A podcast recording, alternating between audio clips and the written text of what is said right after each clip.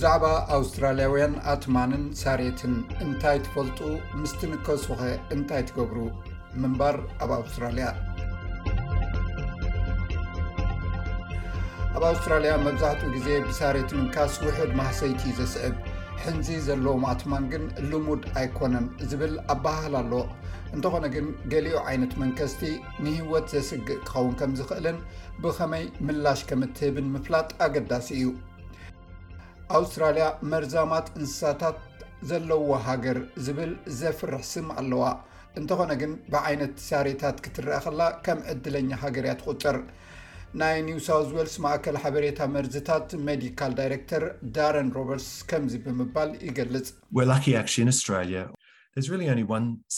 ብርግጽ ኣብ ኣውስትራልያ ዕድለኛታት ኢና ሓንቲ ሳሬት ጥራያ ብፍላይ ተሻቕል እዚኣ ድማ ፓነል ወብ ትበሃል ብዛዕባ ሳሬታት ሬድ ባክ መርዛማት ምዃኖም ብዙሕ ዝዝረብ እኳ እንተኾነ በዞም ሳሬታት ምንካስ ክሕምም ይኽእል እዩ ናይ ሙማት ወይ እውን ኣብ ሆስፒታል ናይ ምዕቋብ ዕድል ግን ኣዝዩ ትሑት እዩ ስለዚ ኣብ ኣውስትራልያ ዘለዉ ካልኦት ኩሎም ሳሬታት ብሓፈሽኡ ከም ትሑት ወይ ዘይመርዛማት እዮም ዝቑጸሩ።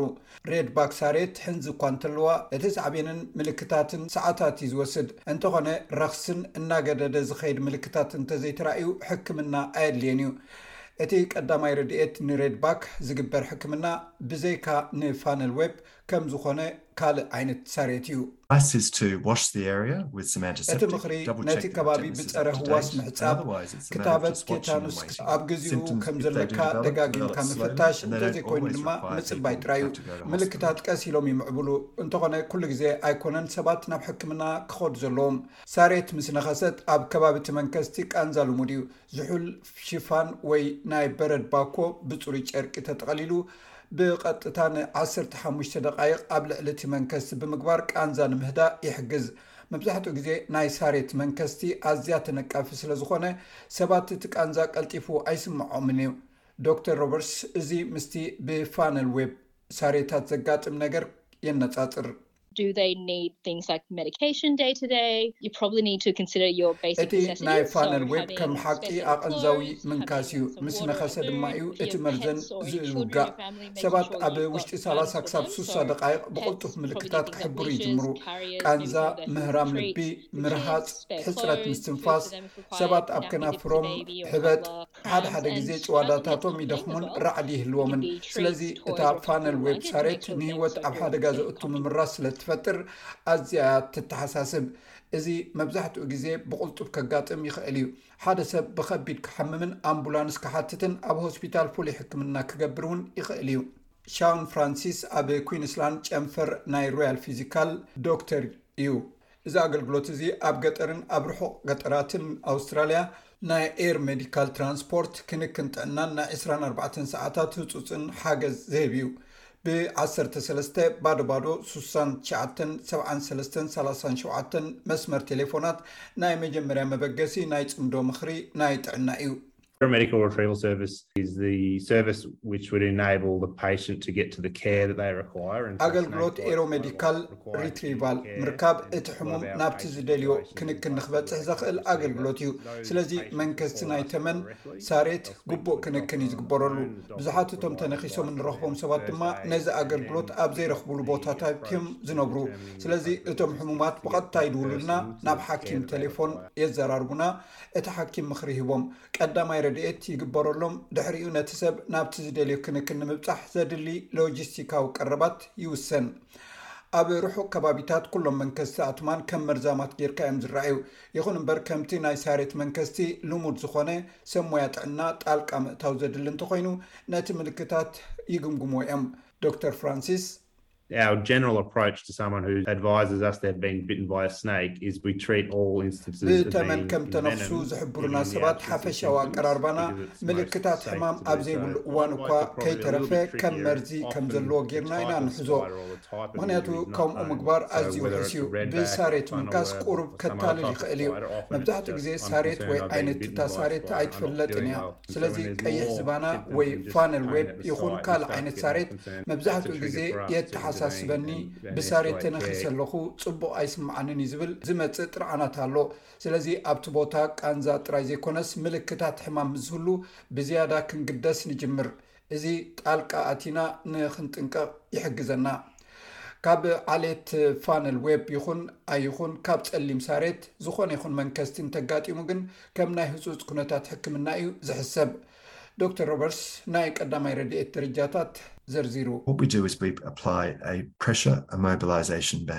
ነቲ ኣብ ከባቢ መንከስቲ ቦታ ፋሻ ብምእሳር ጸቕጢ ንምፍጣር ይግበር። ኣምቡላንስ ክሳብ ትመጾ እቲ ዝተነኽሰ ከይተንቃሳቐሰ ክድቅስ ይግበር። ሓደ ሰብ ብፋነል ዌብ። ምስ ዝንከስ እንተ ዘይንቀሳቐስ ይምረጽ፣ ምኽንያቱ እዚ ነቲ መርዚ ኣብ መላእ ኣካላት ንምዝውዋር ከቀላጥፎ ይኽእል እዩ። ኣብ ገሊኡ ከባቢታት እተን ኣምቡላንሳት ጸረ መርዚ ስለ ዝሕዛ ቀልጢፍካ ምሃብ ኣገዳሲ እዩ፣ ብድሕርዚ ናብ ሆስፒታል ይውሰድ። ብስታትስቲካዊ ሓበሬታ መሰረት ቀታሊ መንከስቲ ተመን ልሙድ ኣይኮነን።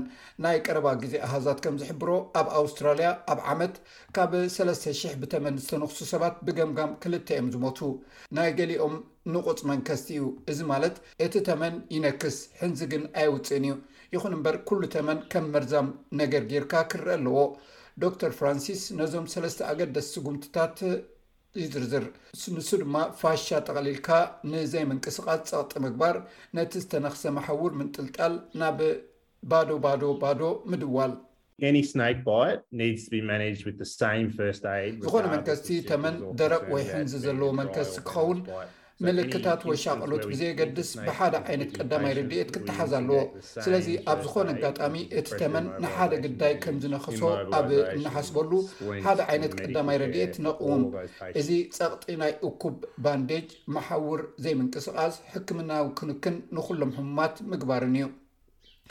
ዲያን ሆድግሰን ኣብ ቪክቶርያ ፍቓድ እተዋህቦ ተሓዝተ መን እዩ? ገለ ዓይነት ሕንዚ ዘለዎም ኣትማን ኣዘውቲሩ ዝርእዮም እኳ እንተዀኑ፣ ሕንዚ ዘይብሉ መንከስቲ እውን ከይተረፈ ጸገማት ከምጽእ ከም ዝኽእል ይዛረብ። ኣትማን ነብሪ ወይ ታይገር ስኔክስ፣ ቡናዊ ኣትማንን ብብዝሒ ዝረኣዩ ክዀኑ ከለዉ፣ ነሓስ ዝመስል ሕብሪ ዘለዎ ኣትማን፣ ብድሕሪኦም ዝስራዕ እዩ። ኣብ ከብዶም ቀይሕ ሕብሪ ዘለዎም ጸለምቲ ኣትማን ግና ልሙዳት እዮም። ካብቶም ካልኦት ኣትማን ግና ብዝወሓደ እዩ ዝረኣ። እምበኣር ዋላ ፓይተን እንተኾነ ካብ ቤትካ ከተውጽኦም ጽቡቕ እዩ። እትፈልጥዎም ዓይነት ናይ ገዛ እንስሳ ክህልዉኹም ይኽእሉ እዮም። ምስኦም ክከራኸሩ ይኽእሉ፣ ቆልዑ'ውን ምስኣቶም ክጻወቱ ይፍትኑ። እንተኾነ በቲ ፓይተን ክንከሱ ይኽእሉ እዮም። ሕንዚ ዘይብሎም ክነሶም፣ ባክተርያን ካልእ ሕማቕ ነገራት ክህልዎም ይኽእል እዩ። ብተወሳኺ ዝኾነ ሰብ ክንከስ ኣይፈቱን እዩ። ኣትማን ምፍርራሕ ወይ ፍርሒ እንተ ዘይተሰሚዕዎም ከጥቅዑ ኣይደልዩን እዮም። ሚስተር ሆድሰን ተመን ክትርኢ ከለኻ እንታይ ክትገብር ከም ዘይብልካ ገለ ምኽርታት ይህብ።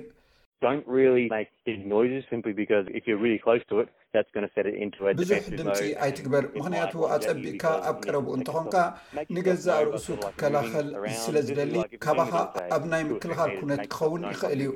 ናብ ካልእ ቦታ ብምግዓዝ ገዛእ ርእስኻ ኣፍልጥ፣ እዚ ልክዕ ኣብ ውሽጥኻ እንተኾይኑ ክልተ ወይ ሰለስተ ሜትሮ ካብኡ ርሒቕካ ብምጉዓዝ ነብስኻ ኣግልል። እናኸድካ ብሃንደበት ኣብ ልዕሊኡ ደው እንተኢልካ ወይ እንተረጊጽካዮ ልክዕ ከም ዝሞትካ ደው በል። ከምኡውን ሰላሳ ሴንቲሜትር ዝኸውን ርሒቕካ እንተለኻ ከም ምዉት ኣይትንቀሳቐስ። ባዕሉ መገዱ ክቕጽል እዩ። ኣብኡ ከም ዘለኻ ኣየሰብህልን እዩ። ሳሬት ምስ ነኸሰት እንታይ ክትገብር ከም ዘሎካ ርግጸኛ እንተዘይኮንካ፣ ሰባት ነቲ ብደረጃ ሃገር ዝርከብ ማእከል ሓበሬታ መርዚ፣ ሄልፕላይን፣ ምድዋል ኣገዳሲ እዩ ይብል ዶክተር።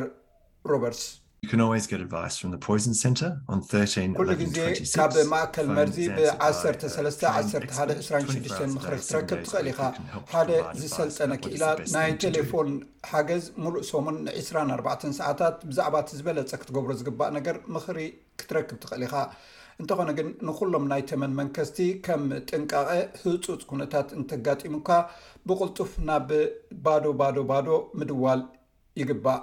If you with anyone who has been bitten by a snake or spider and they ብተመን ወይ ብሳሬት ዝተነኽሰ ኣብ ጥቓኻ እንተልዩ እሞ ሃለዋቱ እንተጥፊኡ ንኣብነት ዝተደናገረ እንድሕር መሲሉ ወይ ምስ ዝወድቕ ወይ ብርቱዕ ቃንዛ ወይ ካልእ ምልክታት ዘለዎ እንተኾይኑ ከይተወላወልካ ባዶ ባዶ ባዶ ምድዋል ኣገዳሲ እዩ።